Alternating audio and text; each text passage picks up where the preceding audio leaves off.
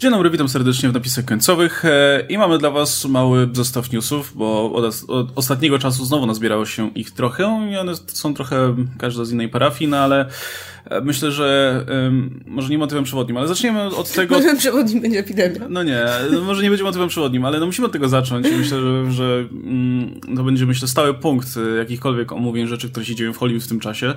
E, mianowicie, w ogóle ostatnio, ostatnio mieliśmy z Oscarem materiał, gdzie mówiliśmy o różnych, um, powiedzmy, czynnikach, czy raczej może inaczej, jak ten wirus wpłynie na pewno na, na wytwórnię, jak już w tym momencie wpływa. I mówiliśmy tam między innymi o, o przełożeniu No Time to Die e, na listopad listopad.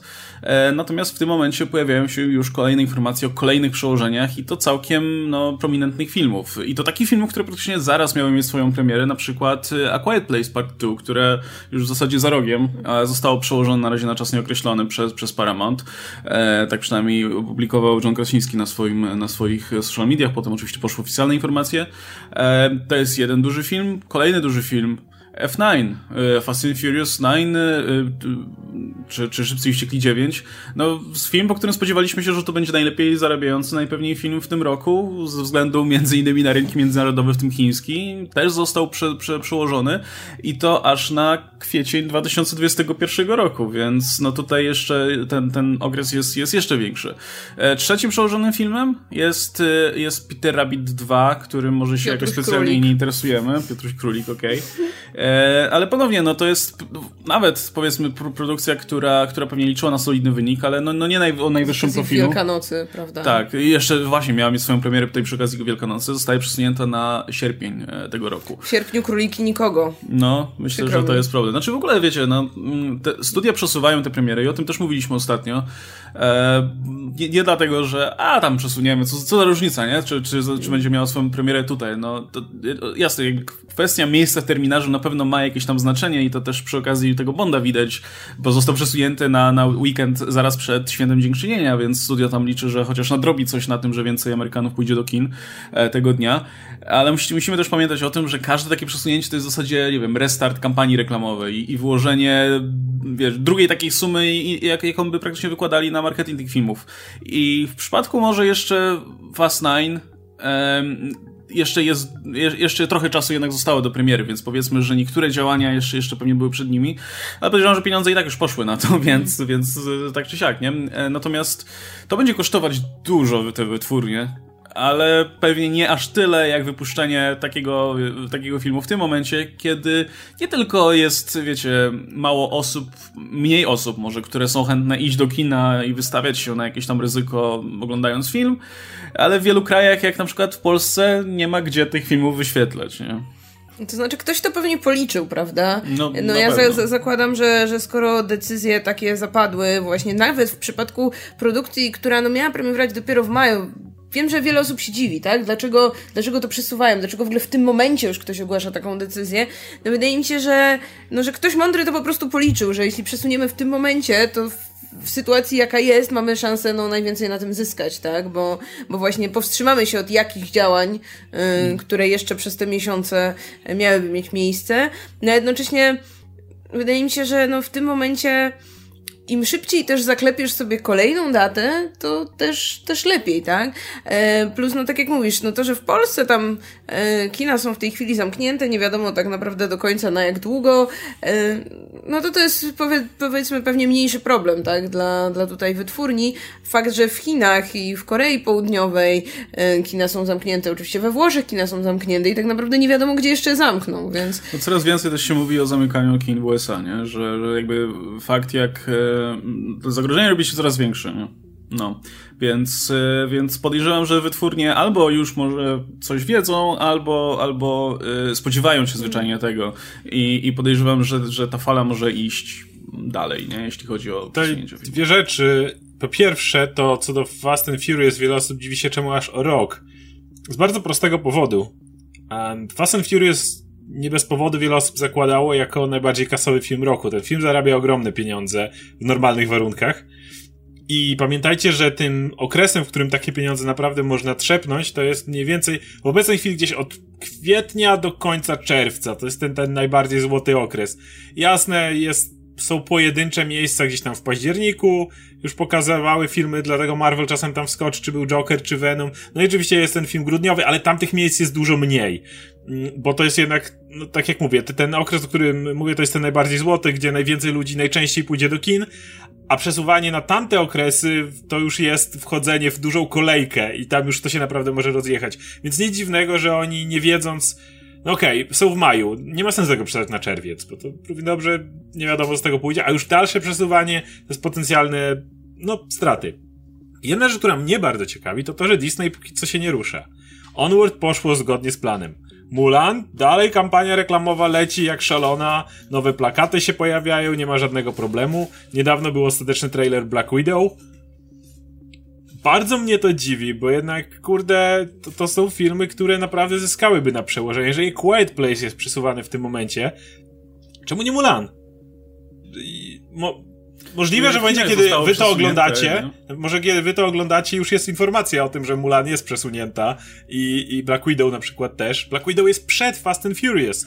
Plus, jeżeli miałbym stawiać, który film zarobi więcej, Fast and Furious czy Black Widow, powiedziałbym Fast and Furious. Więc skoro Fast and Furious jest przesuwane, czemu nie Black Widow? Więc na razie te, te milczenie Disneya, tak jak mówię, nagrywamy to w czwartek, możliwe w piątek już coś wiecie i my też wtedy. Hej, witajcie, to ja z przyszłości, to jest tylko krótka notka dotycząca tego, że premiera Mulan faktycznie została przełożona na razie na czas nieokreślony. I najpewniej ten sam los czeka także Black Widow, chociaż w tym momencie jeszcze nie ma na ten temat żadnych informacji, a poza Mulan przełożone zostało New Mutants, o którym sobie żartujemy, że w sumie pewnie nie zostanie przełożone, bo nikogo ten film już nie obchodzi, ale jednak okazuje się, że przełożono również premierę, a także film produkowany przez Guillermo del Toro, czyli Antlers. Na razie żaden z tych filmów nie ma swojej daty premiery, czekamy na dalsze informacje. Wciąż jednak zasadna jest, wydaje mi się, nasza dalsza dyskusja odnośnie tego, że może są szanse, by filmy Disneya takie jak Black Widow, Mulan, czy przede wszystkim New Mutants trafiły jednak na streaming. Okej, okay, wracamy do materiału. I jedna rzecz, która mnie osobiście zastanawia, która wydaje mi się coraz bardziej prawdopodobna, Sz szalony pomysł, wiem, ale wyobrażacie sobie, że do, docieramy do maja i na razie kina są zamknięte, w Stanach są w dużej części też. Wiele osób mówi, że w Chinach opanowano wirusa, już jest po epidemii. To nieprawda w Chinach po prostu udało im się opanować ten y, największy wybuch, który powodował, że trzeba było mieć te awaryjne centra pootwierane i dodatkowe rzeczy.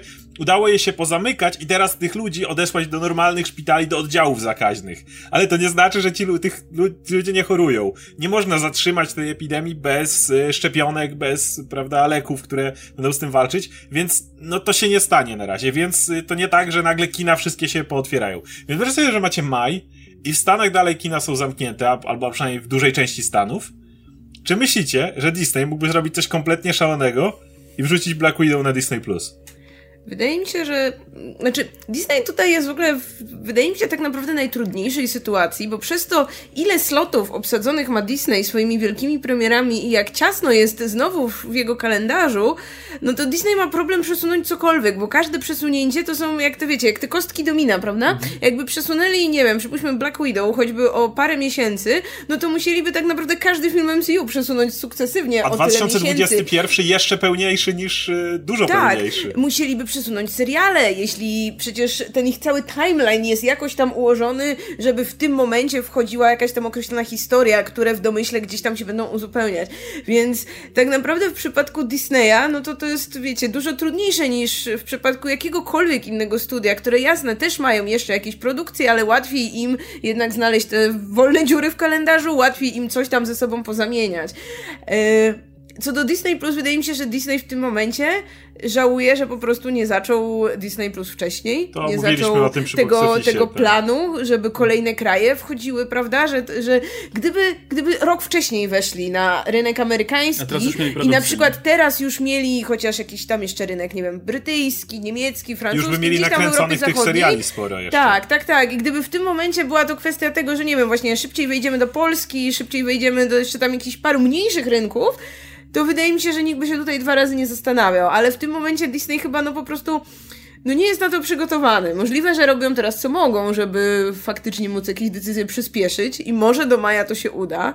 Ja nie ukrywam, że ja bardzo by mnie ucieszyła taka wieść o tym, że na przykład właśnie Black Widow y, wejdzie do tych y, paru otwartych kin, a wejdzie też na Disney+, ale no kurczę, wydaje mi się, że musieliby, nie wiem, musieliby chyba jakieś tam cuda dokonać, żeby jednak aż o tyle miesięcy jakieś te swoje plany przyspieszyć. Musieliby no. tą sierpniową inicjatywę przepchnąć na maj. Bo jeszcze Polska to Polska, to nie jest tak duży mhm. rynek, ale jednak sierpień to jeszcze jest całkiem to są całkiem spore rynki, jakby nie patrzeć. Tak, tam była Portugalia na pewno. I, i musieliby to przepchnąć. Kraje skandynawskie. Ale, tak. ale, ale ja naprawdę wydaje mi się, że to może być cały czas mniejsze zło. Wyobraźcie sobie, że okej, okay, Black Widow nie będzie miała premiery 1 maja, tylko powiedzmy 20 któregoś maja, czy coś takiego, ale, jaki, ale przepychamy właśnie w jakiś sposób ten start Disney Plus w przynajmniej paru państwach do przodu, albo na przykład do czerwca i przekładamy na, na czerwiec.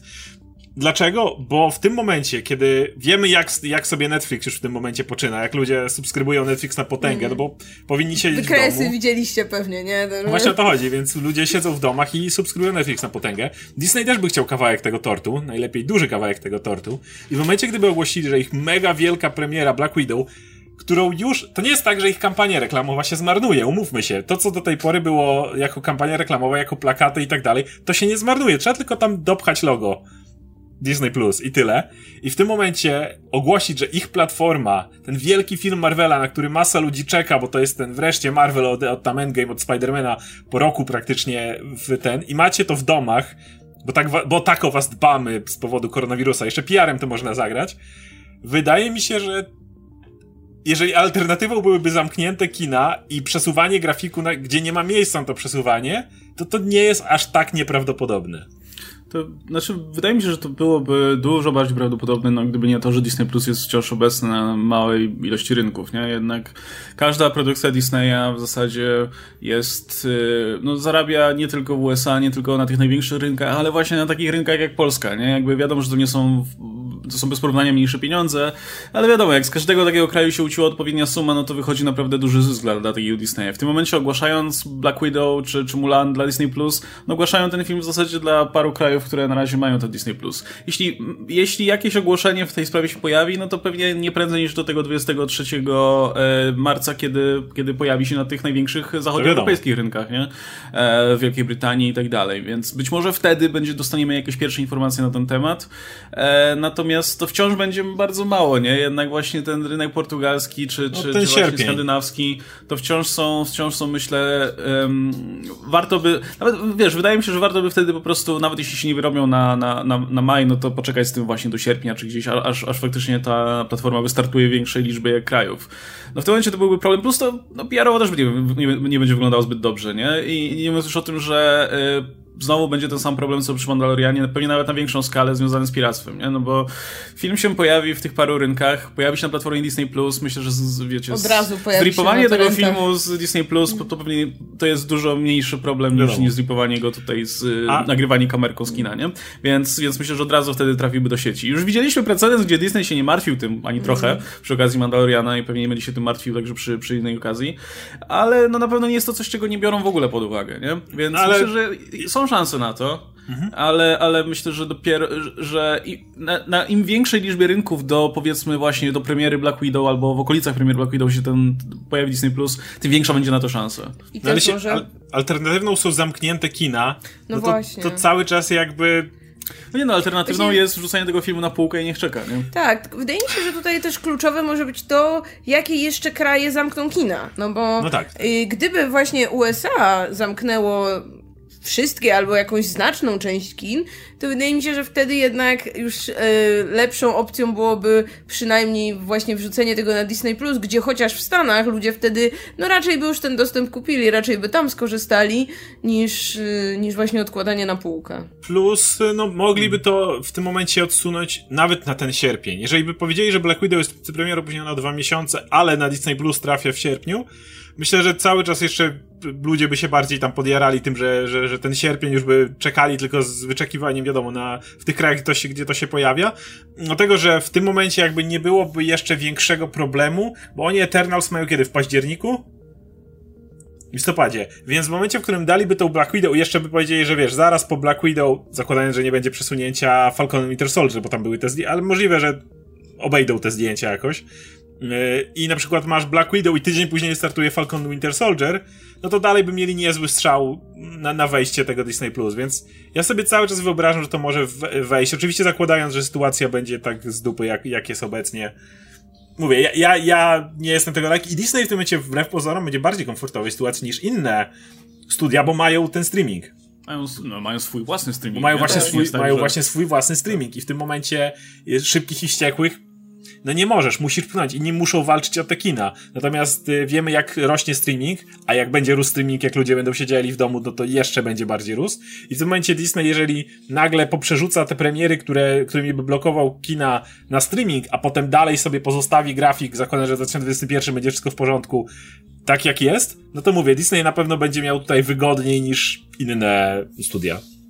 Myślę, że jakąś przesłanką jest to, że kampania, kampania nie zwalnia tutaj, nie? Właśnie w przypadku, nie wiem, Mulan czy, czy, czy Black Widow.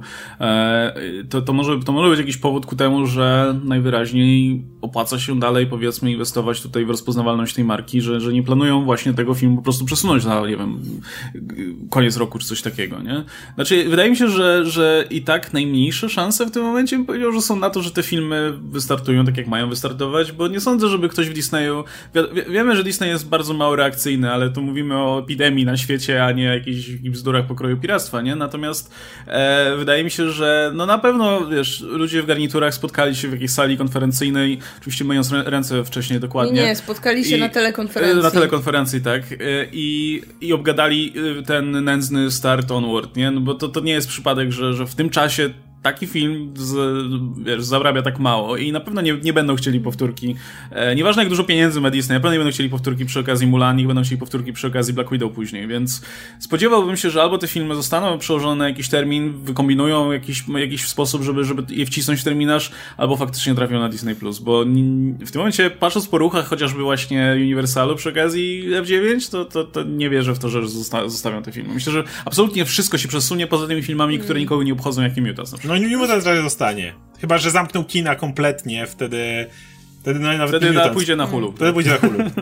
No bo jeszcze wiecie, wydaje mi się, że jeszcze jest ta kwestia takiej, mimo wszystko, trochę odpowiedzialności społecznej. Ja wiem, że to jest pewnie ten ostatni czynnik, który biorą pod uwagę takie korporacje jak Disney, ale choćby PR-owo, może, Właśnie, może jednak też PR. gdzieś to gra jakąś rolę, no bo, no bo wiecie, y, bardzo możliwe, że w maju nie będzie, nie wiem, odgórnego zamknięcia kin, odgórnego zakazu chodzenia do tych miejsc, ale no wydaje mi się, że to już jest ten moment, kiedy raczej jest bardziej niż mniej pewne, że to nie tak, że do maja wszystko będzie w porządku, tak? No bo właśnie, jak, jak Oskar wspomniał o Chinach, to nie jest tak, że y, w Chinach wszyscy zdrowi. Yy, jakby Chinom udało się osiągnąć ten stan, kiedy jakby służba zdrowia jest w stanie zaopiekować się osobami, które jakby na bieżąco chorują, więc jakby tu nie chodzi o to, żeby zatrzymać wirusa, żeby go wyleczyć, no bo w tym momencie jest to kompletnie niemożliwe, tylko żeby po prostu spowolnić ten stopień, kiedy kolejne osoby chorują, żeby po prostu był czas ich wyleczyć, żeby były środki, żeby ich leczyć, żeby było miejsce miejsce w szpitalach i tak dalej. Respiratory, których tak, we Włoszech brakuje.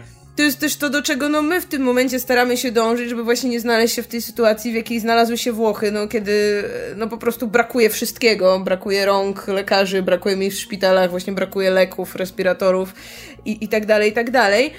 No i w tym momencie wszystkie wskazania mówią o tym, że do maja na pewno nie będzie po wszystkim, więc nawet jeśli te epidemie się trochę uspokoją, nawet jeśli będziemy nad tym bardziej panować, będzie jakaś większa kontrola nad tym, to wydaje mi się, że w maju nikt nikogo nie będzie zachęcał, żeby chodzić do kin, nawet jeśli te kina pozostaną Dokładnie. otwarte.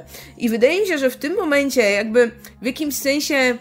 E, mile widziane byłoby przesuwanie tych największych, najgłośniejszych premier, takich jak właśnie kolejny film Marvela, kolejna duża produkcja live action Disneya, no bo nie oszukujmy się, wielu ludzi nie, nie, nie postąpi zdroworozsądkowo, tak? Jeśli tylko to kino będzie otwarte i będzie grać ten film, to oni na ten film pójdą. I no wiadomo, co, co nie jest teraz? w interesie... Jeśli jest... ludzie we Francji się wybierają na paradę smurfów, no to pewnie Jeśli ludzie tak. na Mulan. Jeśli ludzie, ludzie u nas Polsce, się wybierają do kościołów. Tak, i chodzą, i chodzą po galeriach cały czas, bo szkoły zamknięte, to tak, więc wydaje mi się, że no, wiara w ten zdrowy rozsądek y, społeczeństwa jako całości, no, no nie, nie może być zbyt duża.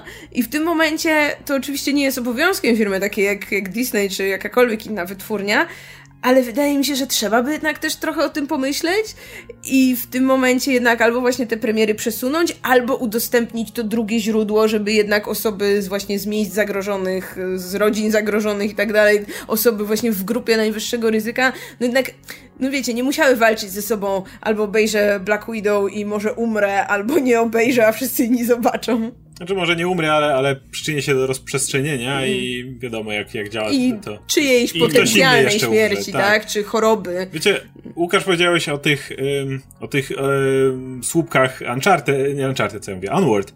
E, już, już myślę, to Tom, Tom, Tom Holland Uncharted. E, ale Onward. I e, no, na, na tych telekonferencjach wydaje mi się, że, wystarczy, pokazaliby właśnie dwie, dwa, dwie, dwa przykłady takich słupków. Tu jest słupek Onward, a tu jest Netflix.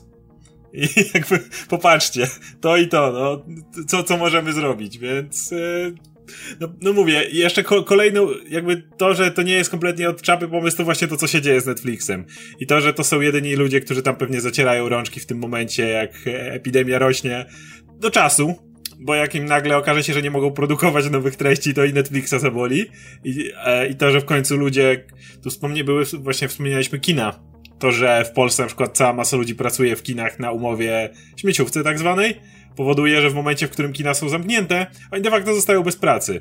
Co jest e, jeszcze bardziej bolesne i może w końcu i nawet na Netflixie odbije, kiedy ludzie będą myśleli o tym po ogromnej recesji, z jakich rzeczy można zrezygnować, to wtedy i Netflixowi przestanie się uśmiechać, ale póki co Netflix na pewno zaciera ręce i pewnie, tak jak mówiłem, Disney też by wskoczył, chciał wskoczyć na ten wagonik. E, to jeszcze mm, w odniesieniu do tego naszego ostatniego materiału jest jeszcze ta kwestia, o której chyba nie wspomnieliśmy, a, a warto było tak jeszcze jedno zdanie o tym powiedzieć. E, I, i Bartek Przybyszewski na licznych ranych kłutach wspomniał o tym, że jeszcze jest kwestia na przykład dokrętek do filmów, nie? Która, która, o której właśnie nie, nie, nie wspomnieliśmy, a teraz wyobraźcie sobie, że takie Eternals musi zrobić dokrętki. Standardowe. Wiecie, Salve Hayek, Angelina Jolie, no. Richarda Madena i, i Kita Harringtona i całą resztę na plan znowu w momencie, w którym teraz no powiedzmy nie jest to do końca bezpieczne. Kubą więc... statystów. Y, zwłaszcza, że no. no. nie da się ukryć, że w same progi Hollywood no wirus już się wdarł, tak? Dzisiaj rano, kiedy to nagrywamy, no mogliśmy przeczytać o tym, że osobą, u której wykryto wirusa jest Tom Hanks i jego żona i parę osób pracujących z nimi na planie, tak? Yy, więc to oznacza, że prawdopodobnie dużo więcej osób jest tak naprawdę nosicielami wirusa, mogło też gdzieś go tam dalej tak, poroznosić. Oczywiście. Więc no w tym momencie, no to kto, kto też będzie ryzykował, I tak? Ja, ja, chciałbym zaznaczyć, bo widziałem masę debilnych komentarzy pod tym, jak Tom Hanks, e, że wiecie, no oni to tam sobie poradzą, bo mają hajsu jak lodu i w ogóle.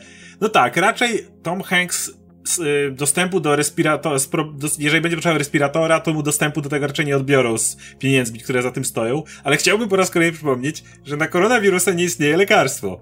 Wszystkie pieniądze świata nie pomogą ci z chorobą, jeżeli nikt nie ma na niej lekarstwa jedyne co mogą próbować ci robić, to utrzymywać twój organizm w tak dobrym stanie, żeby zwalczył wirusa, jak to jest tylko możliwe. Przy czym, no, Tom Hanks na przykład, no nie jest już najmłodszym facetem na świecie. Jest w grupie ryzyka, jest z tego co wiem osobą cierpiącą na cukrzycę, która też e, tutaj ma, jest jednym z tych czynników Oczywiście. utrudniających Więc... niestety wyzdrowienie. Więc e, to, że właśnie e, aktorzy hollywoodzcy mają ma masę kasy, to jednocześnie nie powoduje, że na pewno stwierdzą, a tyle kasy mam, mam na leki mi wystarczy, na wszystkie, tak. wiecie, pomoc medyczną. No, no, no nie, bo nie ma tej pomocy ostatecznej. Tak, a szczepionki pierwsze ponoć no najwcześniej powszechnie w pierwszym kwartale 2021 roku, więc no no, więc to będzie, jeśli chodzi o dokrętki, to będzie wielki sprawdzian dla tej super technologii Disneya na, wiecie, tutaj... Odtwarzanie aktorów. Tak, odtwarzanie aktorów cyfrowo. E, statystów też można wkleić, więc jakoś sobie będą musieli z tym poradzić. To jak mówimy o filmach, które wychodzą do kin i nikogo nie obchodzą, więc mogą sobie wejść do kin, to jeden z takich filmów jest na przykład omawiany jakiś czas temu e, przy okazji zwiastuna przez nas Bloodshot, w którym główną rolę gra Vin Diesel. Vin Diesel promując Bloodshota, e, udzielał tutaj różnych wywiadów i rozmawiał o różnych swoich projektach. E, I na przykład wspomniał o tym, o, no jak, już mówimy o Marvelu, to może zahaczmy też i o to. E, wspomniał między innymi o tym, już może już nie będę cytował całej jego wypowiedzi, wspomniał o tym, że, że, że rozmawiał właśnie z Jamesem Gunnem i że Thor 4 ma incorporate some of the Guardians of the Galaxy, przynajmniej. No, załóżmy, że na razie na tym etapie to jeszcze wszystko się może zmienić i do czasu, wiecie, powstania filmu to, to, to ta koncepcja może się tutaj zmienić. E, ale to może oznaczać, że faktycznie te, te postaci się tutaj pojawią. E, więc y, czy film taki jak Thor 4, który już będzie wypchany gwiazdami, który już będzie wypchany wątkami, patrząc po tym, jakie fabuły może inkorporować do siebie, biorąc pod uwagę te inspiracje Gana, w ogóle potrzebuje Guardians of the Galaxy w tym momencie? Szczerze mówiąc, mam wrażenie, że to jest naj, najwyżej materiał na, wiecie, start filmu na start i ten filmu. otwierającą no, tak. scenę, która w filmach Marvela zawsze musi być, wiecie, duża, ekscytująca, żeby, żebyśmy się zaangażowali w film. Ale to tyle, nie? No dokładnie, muszą jakoś tego tora od strażników odłączyć, tak? Więc spokojnie podejrzewam, że są w stanie nakręcić te pierwsze 5 minut, w których dzieje się coś, co też później na przykład z drugiej strony będzie kontynuowane właśnie w solowym filmie Strażników. A tutaj, no hej, zawsze to ta miła okazja dla fanów, żeby zobaczyć te postaci, które lubią. No chyba, kurczę, wszyscy, którzy są jakby, wiecie, wciągnięci w to MCU, uwielbiają te, nawet jeśli są te krótkie momenty, kiedy te postaci się spotykają, kiedy ktoś pojawia się w filmie kogoś, yy, więc, więc no nikt nie będzie narzekał, tak? A nie sądzę, żeby to miała być jakakolwiek prominentna rola dla, dla tych postaci, tylko po prostu, no, taki, wiecie, uśmiech, uśmiech do fanów i jakieś wprowadzenie, albo może i nawet nie wprowadzenie, może to, wiecie, będzie scena po napisach, tak? Ewentualnie w dalszej części filmu, powiedzmy, jeżeli Thor ma problem, to z, nie wiem, Drax i Groot, Rocket i, i Groot, cokolwiek, e, przylecą i pomogą Thorowi tam czymś się zająć, bo uwielbiamy e, chemię pomiędzy Rocketem a Thorem, prawda, wiemy, bez buddies i w ogóle, więc pewnie ludzie chcą tego więcej, więc jeżeli zacząć od tego, że lecą wszyscy, Thor gdzieś odpada, i później, bo głupio tak zostawić Tora, że odłączył się od strażników, wiecie, wszystko w porządku, a znajomy mnie powie, że wszystko w porządku, to powiedzmy przylatuje Rocket i pomaga mu coś zrobić, bo wiadomo, Thor niekoniecznie zna się na mechanicznych sprawach i tak dalej, więc spokojnie widzę to. Tym bardziej, że no to nie wymaga angażu aktorów takiego. Potem Bradley Cooper czy Vin Diesel sobie mogą iść do swojej budki, nagrać sobie I am Groot czy, czy Rocketa i Rocket może spokojnie współpracować i Groot z Thorem. Więc y, Absolutnie widzę to. Nie na cały film, ale właśnie na początek i na trzeci akt, powiedzmy. No albo właśnie naj, najprędzej, wiecie, właśnie będzie Rocket, bo Shungun pewnie ma dużo czasu. I Shungun nie ma Shungun pewnie, Shungun pewnie nie ma ni- za wiele lepszych rzeczy do roboty. No, Suicide Więc po prostu będzie się tam kręcił po tym planie, potem wkleją w to miejsce nakręci, Shopa. Nakręci już scenę do Suicide Squad, tak będzie No ewentualnie wiecie, jeśli chcą właśnie Gruta, no to hej, wytną dowolną wypowiedź Wina Diesla, I am Groot, z nie. jednego z poprzednich nie. filmów. Diesel musi to nagrać jeszcze raz, on z wielką pasją wypowiada każde, każde I am Groot. W każdej wersji językowej oczywiście oczywiście. W każdej wersji. Nie, jak Vin Diesel też ma pracę. też ma dużo czasu. No Jakby... Nie ma czasu, zaraz sobie o tym pomówimy, jest bardzo zajęty. Nie, Vin Diesel nie, no, ma kupę będzie. E, to już jeszcze a propos, a propos Gruta, no to Vin Diesel dał też znać, że Grut będzie jako postać dalej ewoluował, dalej rósł, jak nie mam, zmieniał się będzie jego charakter. Ale zmieni się w Vina Diesla. Nie, ja myślę, że myślę, że e, są na to szanse, na pewno. No to, to słuchajcie, to jak Vin Diesel, no to pomówmy w takim razie o planach Vina Diesela, bo w ogóle to nie jest informacja, która normalnie byśmy się ogóle odcinek, w którym y, trzy ale... piąte zajmuje Vin Diesel, bo zaczęliśmy od Fast and Furious. Albo, albo koronawirus, albo Vin Diesel. Wybieram wina, wina Diesela mimo wszystko. E, więc e, Vin, to jest w ogóle informacja, której normalnie byśmy nie poruszali, bo to nie jest ani znaczące, ani nie dotyczy jakiegoś znanego filmu, ale mnie to tak bawi. E, jestem bardzo ciekaw tej opinii, bo tak, e, Vin Diesel między innymi właśnie gadając o tym Blaszocie, wspomniał, e, mówił generalnie o tym, jak to jest tam z, z, jego projektami, które są tutaj przywracane do życia. No i jedną z, z, z, rzeczy, które rzucił, to to, że powstaje właśnie sequel do The Last Witch Hunter, Ostatni Łowca Czarownic, jeśli ktoś kojarzy. To jest film z 4 lat, który no nie odniósł sukcesu zupełnie, w sensie to, to był film, który kosztował 90 milionów dolarów przynajmniej, E, a zarobił 146 milionów dolarów na całym świecie, więc przy czym tylko 27 milionów dolarów w USA, czyli na tym rynku, gdzie i tak najwięcej pieniędzy zwraca się z biletów. To jest dziwne, bo więc... E, ludzie chyba lubią wina diesla, nie? I nawet... Ale to była taka śmieciuwa w stylu Hellboya, tylko z jeszcze mniejszą ilością efektów specjalnych, więc... To znaczy, Vin Diesel y, y, funkcjonuje w Hollywood ostatnio albo po prostu jako Dom Toretto, albo ewentualnie jako Zander Cage, no, no bo te, nawet to ostatnie XXX się w Chinach dobrze sprzedało, więc nie, wiecie, nie zdziwiło mnie zupełnie, jakby ogłosił, że że robimy kolejny XXX. Super, Chinach. nie? Za jakiś czas w Chinach. E, ale, ale wiecie, The Last Witch Hunter. Jeszcze okej, okay, jakby, jakby ogłoszono to, wiesz, nie wiem, rok czy dwa no rok po premierze czy coś to bym stwierdził, no dobra, nie zarobiło dużo, ale uznali, że jest jakiś tam potencjał, zrobią tańszy, tańszą drugą część i coś tam z tego jeszcze wyciągną. Ale robią to 4 lata po premierze, kiedy już nikogo w ogóle, nikt już nie pamięta o tym filmie, to, to jedna rzecz. Druga rzecz jest taka, że no właśnie nie był sukcesem, ani nie bardzo widać tutaj potencjał. Więc y, to, to skieruję pytanie do Oscara wyjątkowo, bo, y, bo to jest takie typowo box office'owe. Co za tym stoi, że, że ten film tutaj powstaje? Nie mam zielonego pojęcia. Ja dziękujemy. Z mojego własnego. Oddaję głos do studia. Tak. Ja, ja, ja, żałuję, że nie robił kolejnego Riddicka. Jak już robił coś, co się nie opłaca, to mogliby przynajmniej kolejnego Riddicka, bo ja chociaż to lubię. Ten The Last Witch Hunter to był ten film, w którym e, reklamowali go tym winem dieslem z brodą, taki wiecie, dawne czasy z mieczem. Oczywiście, jak to bywa w takich filmach, żeby zaoszczędzić na budżecie, to to jest pierwsze 5 minut filmu, a potem Vin Diesel, jak wyglądający jak Vin Diesel, bez brody, chodzi sobie po współczesnych czasach, po, po I blokach. 90 milionów i na brodę ich nie było stać? Nie było ich stać na brodę. E, I chodzi sobie normalnie po współczesnych czasach i, i, i, nic ciekawego nie robi w sumie. Ten film był taki, to, taką śmiecióweczką.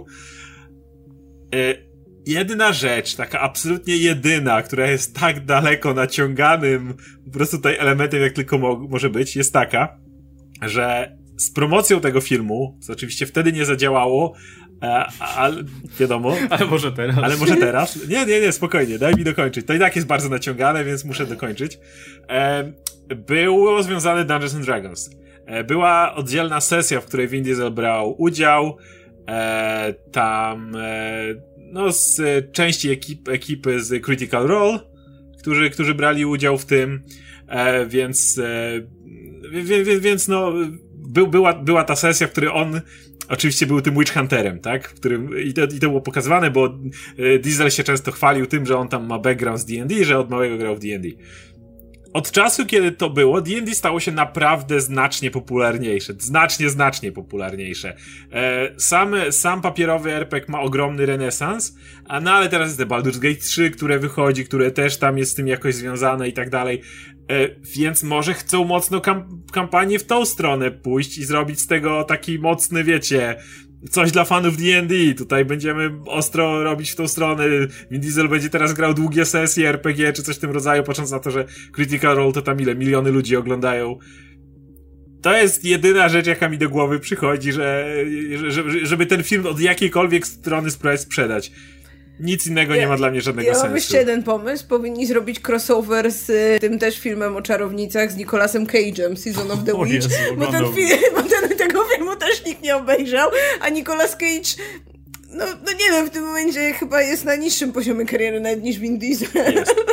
Więc y, ja bym to widziała. Jako weźmy te dwa nieudane filmy o czarownicach osadzone w średniowieczu i, ja i powiem, pomieszajmy je i wrzućmy tam smoki. Wrzućmy ja powiem tam dygresję, bo mi się film z ten z Cage'em podobał do momentu, w którym e, nagle wyskoczyły zombi, wyskoczyli zombie mnisi bo w tym momencie... To, to, już za wiele. W tym momencie chodzi mi o to, chodzi mi o to, że, chodzi mi o to, że, że ja miałem wrażenie, że to będzie taka, taki, e, wiecie... Poważny dramat. Nie, tani, tani horror. Taki tani horror, taki z elementami grozy, zrobiony w stylu, jak się nazywał taki film z Black Death, o, już wiem. Gdzie to był, to był naprawdę fajny film. Gdzie był e, cały motyw z, z elementami grozy, czy tam jest czarownica, czy nie ma czarownicy, czy to się wydaje, czy nie. I, i myślę, o, no dobra, może, może w czymś coś takiego oglądam, no a potem wyskoczyli zombie mnisi i, i trochę inny zrobił się z tego film, więc no cóż. E, to e, moja teoria jest jeszcze taka, bo czytałem te wypowiedzi właśnie Wina Diesela i pier, pierwsza poszlaka jest taka, że on mówi, że E, no bo generalnie wywiad, czy raczej te, to powiedzmy ta, ta rozmowa z dziennikarzem dotyczyła właśnie tego, co się dzieje, kiedy powiedzmy projekt się nie udaje, nie? Z czym Vin Diesel ma doświadczenie, więc może opowiadać. No i on, on oczywiście był, był, mówił to właśnie na przykładzie The Last Witch Hunter i został po prostu pociągnięty za język i, i wygadał się, mm. że Lionsgate do niego przyszło i powiedziało, że, że chcą robić drugą część. Więc on mówi, dobra, róbmy, nie? No bo nie, Czemu nie, że, że jestem super zajęty w tym czasie, nie? Dopiero sami film przerzucili na drugą. Vin Diesel jest przywiązany do swoich postaci postaci, prawda? Jak do takich właśnie typowych postaci odgrywanych w RPG. No. E, więc, więc tak, to nie jest Passion Project Vina Diesla, to nie jest tak, że on chce koniecznie wpłynąć tę historię, tylko studio na niego przyszło, więc to studio najwyraźniej sobie wykalkulowało, że to się opłaca. Co jest jeszcze bardziej, co jakby podnosi poziom trudności, nie? No bo tutaj to już w ogóle jakby, wiecie, no nie ma absolutnie żadnego interesu dla studio innego niż zysk, żeby taki film robić. Więc dlaczego? E, I e, Vin Diesel tutaj udziela jeszcze wcześniej takiej, takiej e, enigmatycznej wypowiedzi, że że kiedyś było tak, że jeśli twój film e, sobie nie radzi, no to musisz się zająć czymś innym, nie? Ale teraz jest tak, że e, tego typu że, że filmom jest dużo łatwiej znaleźć publikę, nie? I dalej jest mowa, i dalej oni sobie mówią trochę o rynku VOD. Więc moja teoria jest taka, że po prostu ten film musiał sobie jakoś naprawdę rewelacyjnie poradzić po prostu po wyjściu z na, na tych streamingach. I myślę sobie, że kurde to ma sens. Bo wiecie, macie film, który się nazywa Last Witch Hunter i ten Vin Diesel tam się patrzy z tego plakatu, to, to, to wygląda faktycznie jak coś, co sobie odpalisz na streamingu, no bo... Takiej śmieciowej nocy, że Zobaczmy tak z ciekawości, co to kurna jest To co ogóle, kiedyś nie? było, wiesz, straight to, straight to home video, no. nie? No i, i podejrzewam, że wiesz, że takie Lionsgate stwierdziło, że kurczę, kupują od nich tutaj platformy ten film regularnie, zarabiają na nim pieniądze, no to zróbmy drugą część. Jestem pewien, że ta druga część na pewno tak, będzie tańsza. może nikt nie pójdzie, ale potem na VOD zarobimy. Albo w ogóle to sprzedadzą od razu na Netflix na przykład, nie? Bo, bo tak też może być. E, ale, ale wiecie, sam fakt, że robią, nie oznacza, że znowu chcą zrobić film o takim samym profilu jak poprzednio. Może, może chcą z niego zainwestować dużo mniej. E, ale robią. Najwyraźniej jest jakaś siła w tym tytule, w tej marce, nie? Co, I to jest ciekawe, bo to nam pokazuje wszystko, jak bardzo ten rynek tutaj się zmienia i jak nawet takie, wiecie, śmieciowe filmy po czterech latach mogą się doczekać sequelu z najwyraźniej finansowych pobudek, no bo ponownie to, to jest pomysł studio, a nie, a nie aktora. Jest jeszcze ostatnia opcja, może to jest Passion Project Michaela Kane'a, który przyszedł do studia i powiedział, tak, ja bardzo chcę zrobić drugą część, zanim umrę, róbmy. Mam nadzieję, że nie wrócił do picia. No, także taka miła w sumie tutaj optymistyczna rzecz. No dobra, to jeszcze a propos, a propos e, nowo powstających filmów, też jedna rzecz związana poniekąd z Marvelem do odhaczenia. E, mianowicie e, ogłoszono, zamknąłem stronę z tym, kurczę. Control Shift T. Jeśli ją miałeś. Właśnie nie pamiętam, czy ją miałem. Dobra. Mm. Roberto, Roberto Rocci. No nie szkodzi. Czy ty wpisujesz dokładnie zawsze rzeczy do wyszukiwarki? No. Ja nie. Tak no bo ja tak umiem pisać. Jakby ja się nie muszę starać, żeby one o, dobrze dobra. się wpisywały. Okay. E, e, e, jest. Mm, okej. Okay. Service The Rap ogłosił, że. No thanks. Service The Rap ogłosił, że um, kolejny projekt w tym dziwnym uniwersum Spidermana, które jest połączone z MCU, ale nie jest częścią MCU, e, wiecie, tak jak Morbius na przykład, jest w planach i ma się nim zająć Roberto Orci, Orsi albo Orci, nie wiem jak to się wymawia. E, to Roberto jest... Orci. Nie, nie no, to jest Amerykanie. E, I nie wiemy na razie, co to będzie za tytuł, ale no, być może, być może jest to jedna, jedna z tych rzeczy, które już wcześniej, powiedzmy, jakoś tam były spekulowane. Może to jest Craven, może to Silver jest... Silver and Black. Silver and Black, może to jest Silk, może to jest coś jeszcze innego, może to jest jakieś, nie wiem, może to jest Morbius 2, cholera wie. E, natomiast e, mnie trochę niepokoi fakt, że ciągle, jak mówi, jak jest mowa o jakimś projekcie od Sony, to ciągle się pojawiają właśnie te same nazwiska. Właśnie Roberto Orci, Alex Kurtzman. Przy Morbiusie gadaliśmy o tych, o tych ludziach, którzy też tam są, są z tym projektem związani. To są, to są ci ludzie, którzy macali, e, macali, maczali palce przy tych Star Trekach Abramsa, przy, wcześniej przy Transformers, przy Amazing Spider-Manach. I oni jakimś cudem cały czas po prostu, wiesz, krążą wokół tych projektów i no nie, nie, nie chcę nikogo skreślać z góry, ale jak widzę, że, że gość, który pisał scenariusz do Transformers 2, do Amazing Spider-Mana 2, e, do, do no, masy średnich filmów, dostaje znowu kolejny projekt, to, to, to jest mi trochę przykro, bo jest tyle naprawdę fajnych, utalentowanych twórców, którzy tłają się od jakiegoś nieza od niezależnego studia do drugiego niezależnego studia e, i najwyraźniej dużo trudniej jest, wiesz, wygryźć takiego typa, który po prostu zrobił masę gównianych filmów, niż, niż dostać, niż znaleźć, wiecie, fuchę komuś, komuś, kto ma świeże, fajne pomysły. Więc no może, mówię, nie skreślam, może wyjdzie z tego fajny projekt, może okaże się, że wiecie, za każdym razem po prostu Roberto Arci miał super fajne pomysły, ale ktoś mu stawał na drodze. Co przy, nie wiem, Amazing Spider-Manie 2, no jasne, że wchodzi w grę, bo tam po prostu... Że Amazing Spider-Manie 2, tak, tutaj Ale, ale kurczę, no, no trudno mi się ekscytować takim nazwiskiem w przypadku takiego projektu, bo we, weźcie to porównajcie chociażby do, do taktyki Marvel Studios i angażowania ludzi takich jak Chloe Zhao czy, czy, czy Destiny Ro, Robert Cretton przy, przy okazji Shang-Chi. No to, to są wiecie, twórcy, którzy mają małe, fajne filmy, dobrze oceniane, a tutaj mamy gościa, który zrobił Amazing Spider-Man 2 i Transformers 2. Może, że nie... Z znanych powodów lubi takich ludzi. Nie wiem, może nie mam jakieś haki tam na ludzi w Sony. Wrażenie, że to jest, nie to, jest, po prostu, no. to jest ta ekipa, która... Ale wiesz co, jak oglądałem Venoma, ja trochę widzę, jakiego to typu filmy powstają, tylko no tam e, so, Sony stara się w aktorów pójść, nie? No, tutaj wzięli e, Hardiego, teraz Hardy będzie z Halsonem, więc no to tam aktorsko to się stoi. E, ale no... Nie wiem, czy pamiętasz, jak, jak oglądaliśmy tego Venoma, to wszyscy chyba mówiliśmy, że ten film nam strasznie przypomina tą złotą erę filmów komiksowych, właśnie jak był Ghost Rider, Daredevil, e, no te wszystkie to Fantastic Four, ta, ta, ta jeszcze przedtrankowa, no to te, te filmy były bardzo podobne do siebie. I ludzie, którzy nad tym pracowali, mieli podobny styl robienia tych filmów, że tak powiem.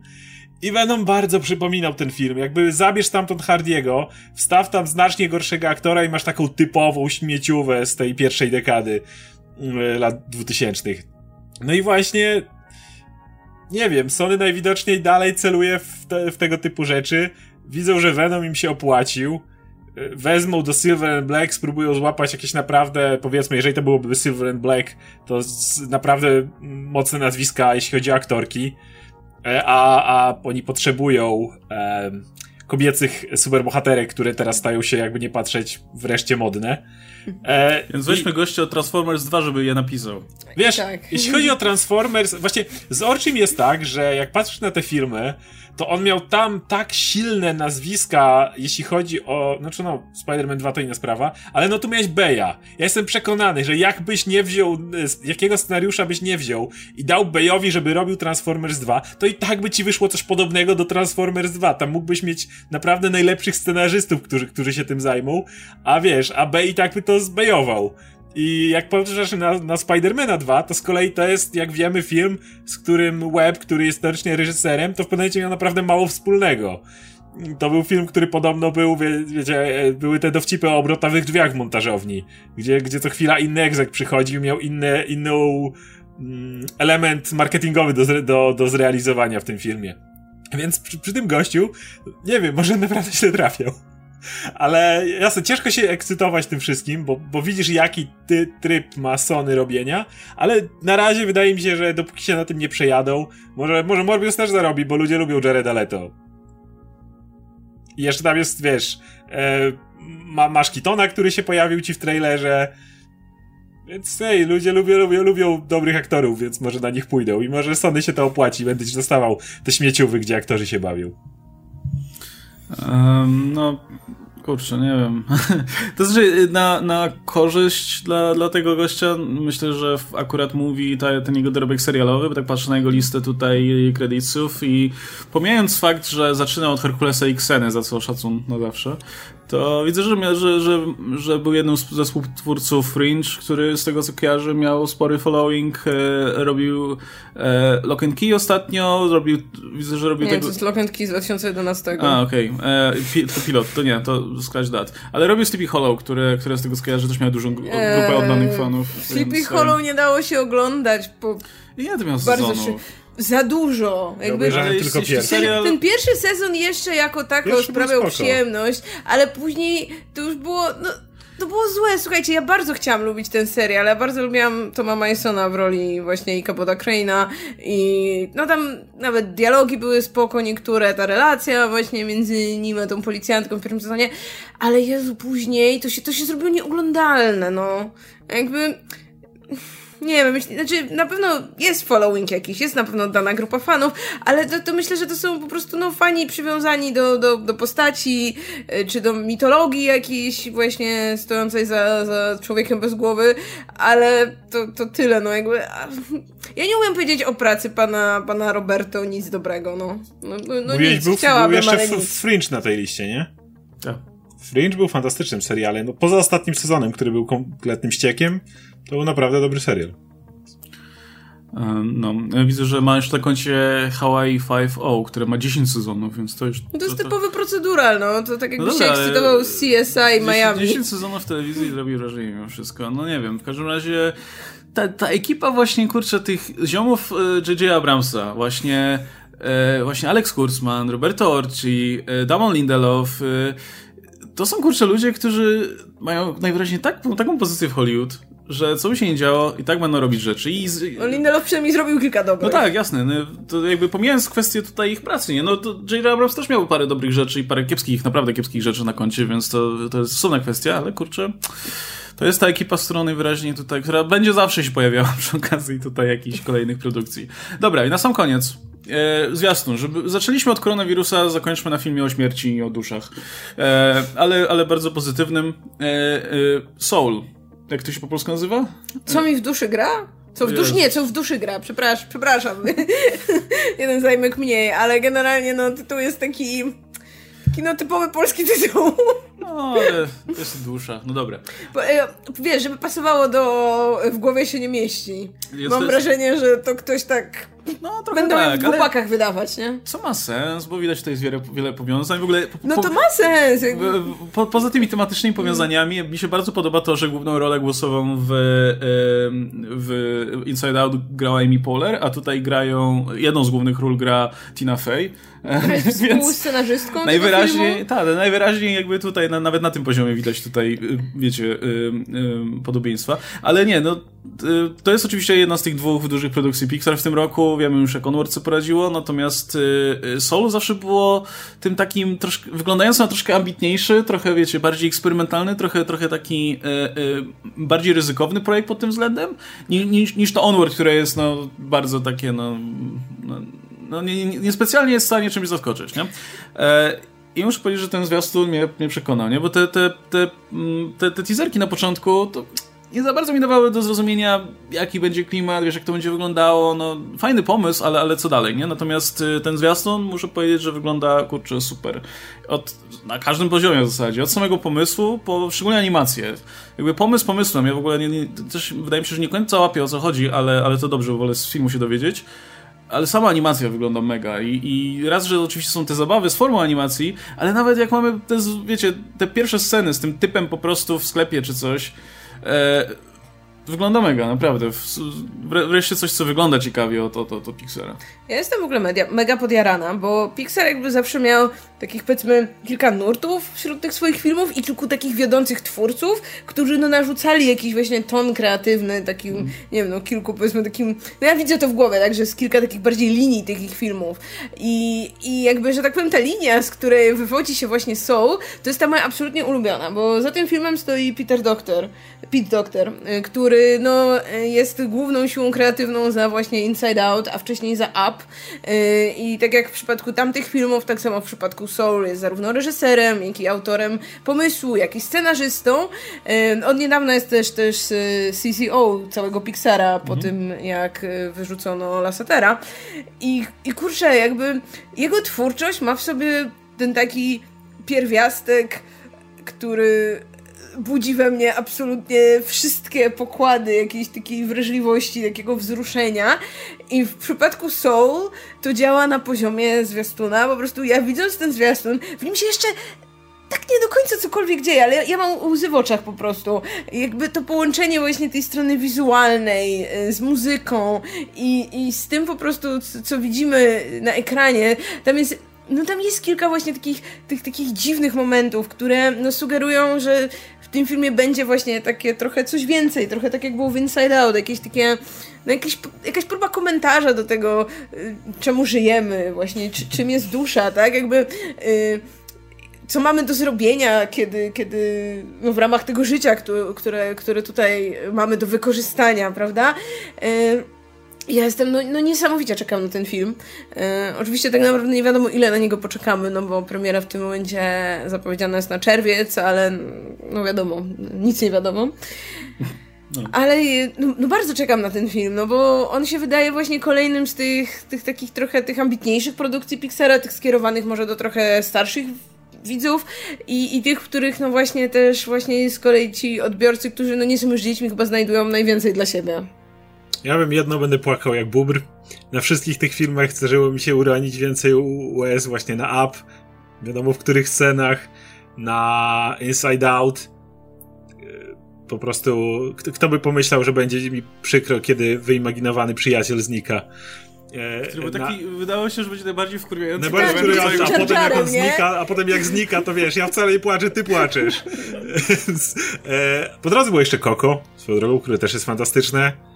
I, I według mnie ta końcówka znowu, która mnie rozczuliła, jak e, ta prababcia sobie zaczyna nucić tą piosenkę.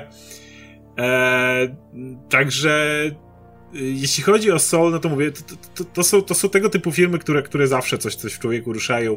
Wydaje mi się, że tutaj jednym z ciekawszych pytań, które pojawia się w trailerze, kiedy on chodzi z tą nienarodzoną duszą, powiedzmy, jest to, czy w ogóle warto jest żyć, skoro się umrze. To jest ten taki motyw, w którym on próbuje przekonać, że później i tak się umiera, to tam, e, jak on to mówi, nie można, nie można nie czujesz wiele. To jakby jest, oni mówią, is it worth dying for, tak? Czy tak, tak. Czy, czy, czy, czy, jest, czy jest warto? No, bo, bo ten ży, te życie po śmierci, te, czy cokolwiek to jest, jest pokazane dosyć pusto. No, jak on pokazuje, nie może czuć, nie może e, czuć ani, ani dotyku, ani smaku, ani, ani tego typu rzeczy. I, i skoro to wszystko i tak jest na końcu takie puste, to, to czy warto jest żyć? I ewidentnie jest ten, ten jego właśnie ta kłótnia z tą drugą duszą na zasadzie, no ona mówi, że to ona nie chce w ogóle zaczynać żyć, bo to nie wygląda w ogóle fajnie i, i, i co w tym jest. Wydaje mi się, że jakby w tą stronę jak to pójdzie, to też jest bardzo, bardzo ciekawe. No i, i te też zmiany grafiki, które się tam pojawiają, te, te, te, ta zabawa formą. Ja tak uwielbiam tego typu filmy. Pixar jest właśnie e, jednym tym studiem mówimy często, który nam daje cały czas oryginalne treści tego typu. E, jasne, pojawia się tam Toy Story 4, pojawia się no, Onward, który jest ewidentnie bezpieczniejszym filmem, ale właśnie od tego, że dostajemy tego typu filmy od Up właśnie, to był ten moment, kiedy to się, to się zaczęło na dobrą sprawę. Ja... Jeszcze po drodze był Wally, który też Po drodze był Wally, który tak... Też, też był dziwną rzeczą, tak? Był przez połowę, był... był filmem niemy. Tak, te, te, też ja, ja, ja, najlepszy. No. Ja, ja dlatego uwielbiam to i, i też bardzo, bardzo nie mogę się doczekać. No, to właśnie y, podoba mi się, podobają mi się te wszystkie jazzowe motywy. Ta, ta ścieżka dźwiękowa nawiązująca, te niektóre, jest tam ten motyw z tym, z tą taką postacią, która wygląda jak postać z okładki w płyty jazzowej, tak jest naszkicowana. E, bardzo podoba mi się to w ogóle, jak właśnie a propos tej oprawy graficznej, że wszystko ma taką teksturę dziwną, taką bardzo miękką, co, co, co sprawia, że od razu to ma jakiś taki wyróżniający się styl graficzny, nie? Nie wygląda generycznie jak Onward na przykład, nie? E, I jeszcze mam wrażenie, że po prostu niektóre elementy tak strasznie mi się kojarzą z niektórymi krótkometrażówkami, które Pixar robił. Kiedyś była taka krótkometrażówka o chyba tam Słońcu i Księżycu i, i ona po prostu tak z tymi duszami gdzieś tam miała jakiś taki podobny design. No. W ogóle design dusz mi się podoba, widziałem, że trochę narzekań było na, na nie, że wyglądają jak jakieś minionki czy coś takiego, ale mi się, mi się bardzo podoba. Właśnie kompletnie nie kumam, czemu minionki wyglądają tak, jak wyglądają, ale kompletnie kumam, kumam czemu dusze, które się nie, nie urodziły, wyglądają jak taka bezkształtna masa, nie? Czyli nie podoba mi się... kijanka trochę. Tak, w ogóle podoba mi się ten efekt, który tam nałożyli na nie, że one nie mają konturów, tylko są tak, jest taka, wiecie, aberracja chromatyczna, nie? Takie kolory po prostu się z nich troszkę wylewają, co, co fa bardzo fajnie to wygląda po prostu wizualnie też, nie? I no kurczę, no wreszcie to wygląda jak, jak coś właśnie z pomysłem, nie? I nie, nie jak, jak odcinanie kuponów, czy, czy jak coś, co, co już widzieliśmy parę razy. No, e, to, to tak, to tak jeśli, jeśli chodzi o, o ten. No nie będą to na pewno, nie będzie to tak dobry film jak Auta na przykład, ale mam nadzieję, że... Auta 3 szczególnie, rozumiem. Nie, nie, Auta 2 są tym, auta 2, tymi autami, o których nie mówimy. Auta, auta 3 były lepsze niż Auta 2, więc... Nie oglądałem żadnych aut nigdy. Nawet jedynki. To polecam, najlepszy film Pixar, zdecydowanie. Jest to o samochodach i to jest samochody, ale są, zachowują się jak ludzie. Super, naprawdę, polecam. Bardzo. Um. Jezu, kpisz, a pierwsze auta nie są wcale złe. Są okropne, no. Są, są gorsze niż sequel do Incredibles po prostu. Mm. E, ja... Nie wiem, najwięk- filmem, do którego ja mam największy żal Pixara jest mimo wszystko Dobry Dinozaur, bo nie był sequelem Jezu, i jak tak na pierwszy nudny. film był bardzo słaby. W sensie, tak. no nie był, nie był bardzo słaby jak na film, ale jak na Pixar był jakby bardzo. poniżej średniej. O. Tak, ty też pamiętam jak oglądałem, myślałem, że tu będzie tak ciekawa historia i tak była ta historia, skończyła się ta historia i w sumie mora- morału tam nie ma za wielkiego, za bardzo nie, nie rusza jakiś bardzo mocnych elementów, nie, takie, takie no, nic. No ale jeśli chodzi o Soul, to tak jak, tak jak często mówimy, że zwiastuny zwykle mają nas zwiększyć zainteresowanie filmem, no to dawno, dawno żaden zwiastun nie zwiększył tak bardzo mojego zainteresowania filmem jak ten, bo teraz bym go totalnie wrzucił do, nie wiem, dziesiątki najbardziej oczekiwane, gdyby, gdyby się pojawił wcześniej. E, no dobra, słuchajcie, na tym, na tym będziemy kończyć. E, jeśli macie jakieś kwestie, które chcielibyście, jeśli są jakieś kwestie, które chcielibyście, żebyśmy mówili szerzej, albo się do nich odnieśli, możecie to, to e, pisać w tipach lub superchatach, będziemy nagrywać o tym osobne materiały. No, a tymczasem będziemy się żegnać, bo z nami Marta Najman, Oskar Rogowski, ja się nazywam Kastelmach. Do zobaczenia w kolejnych materiałach. Trzymajcie się, cześć.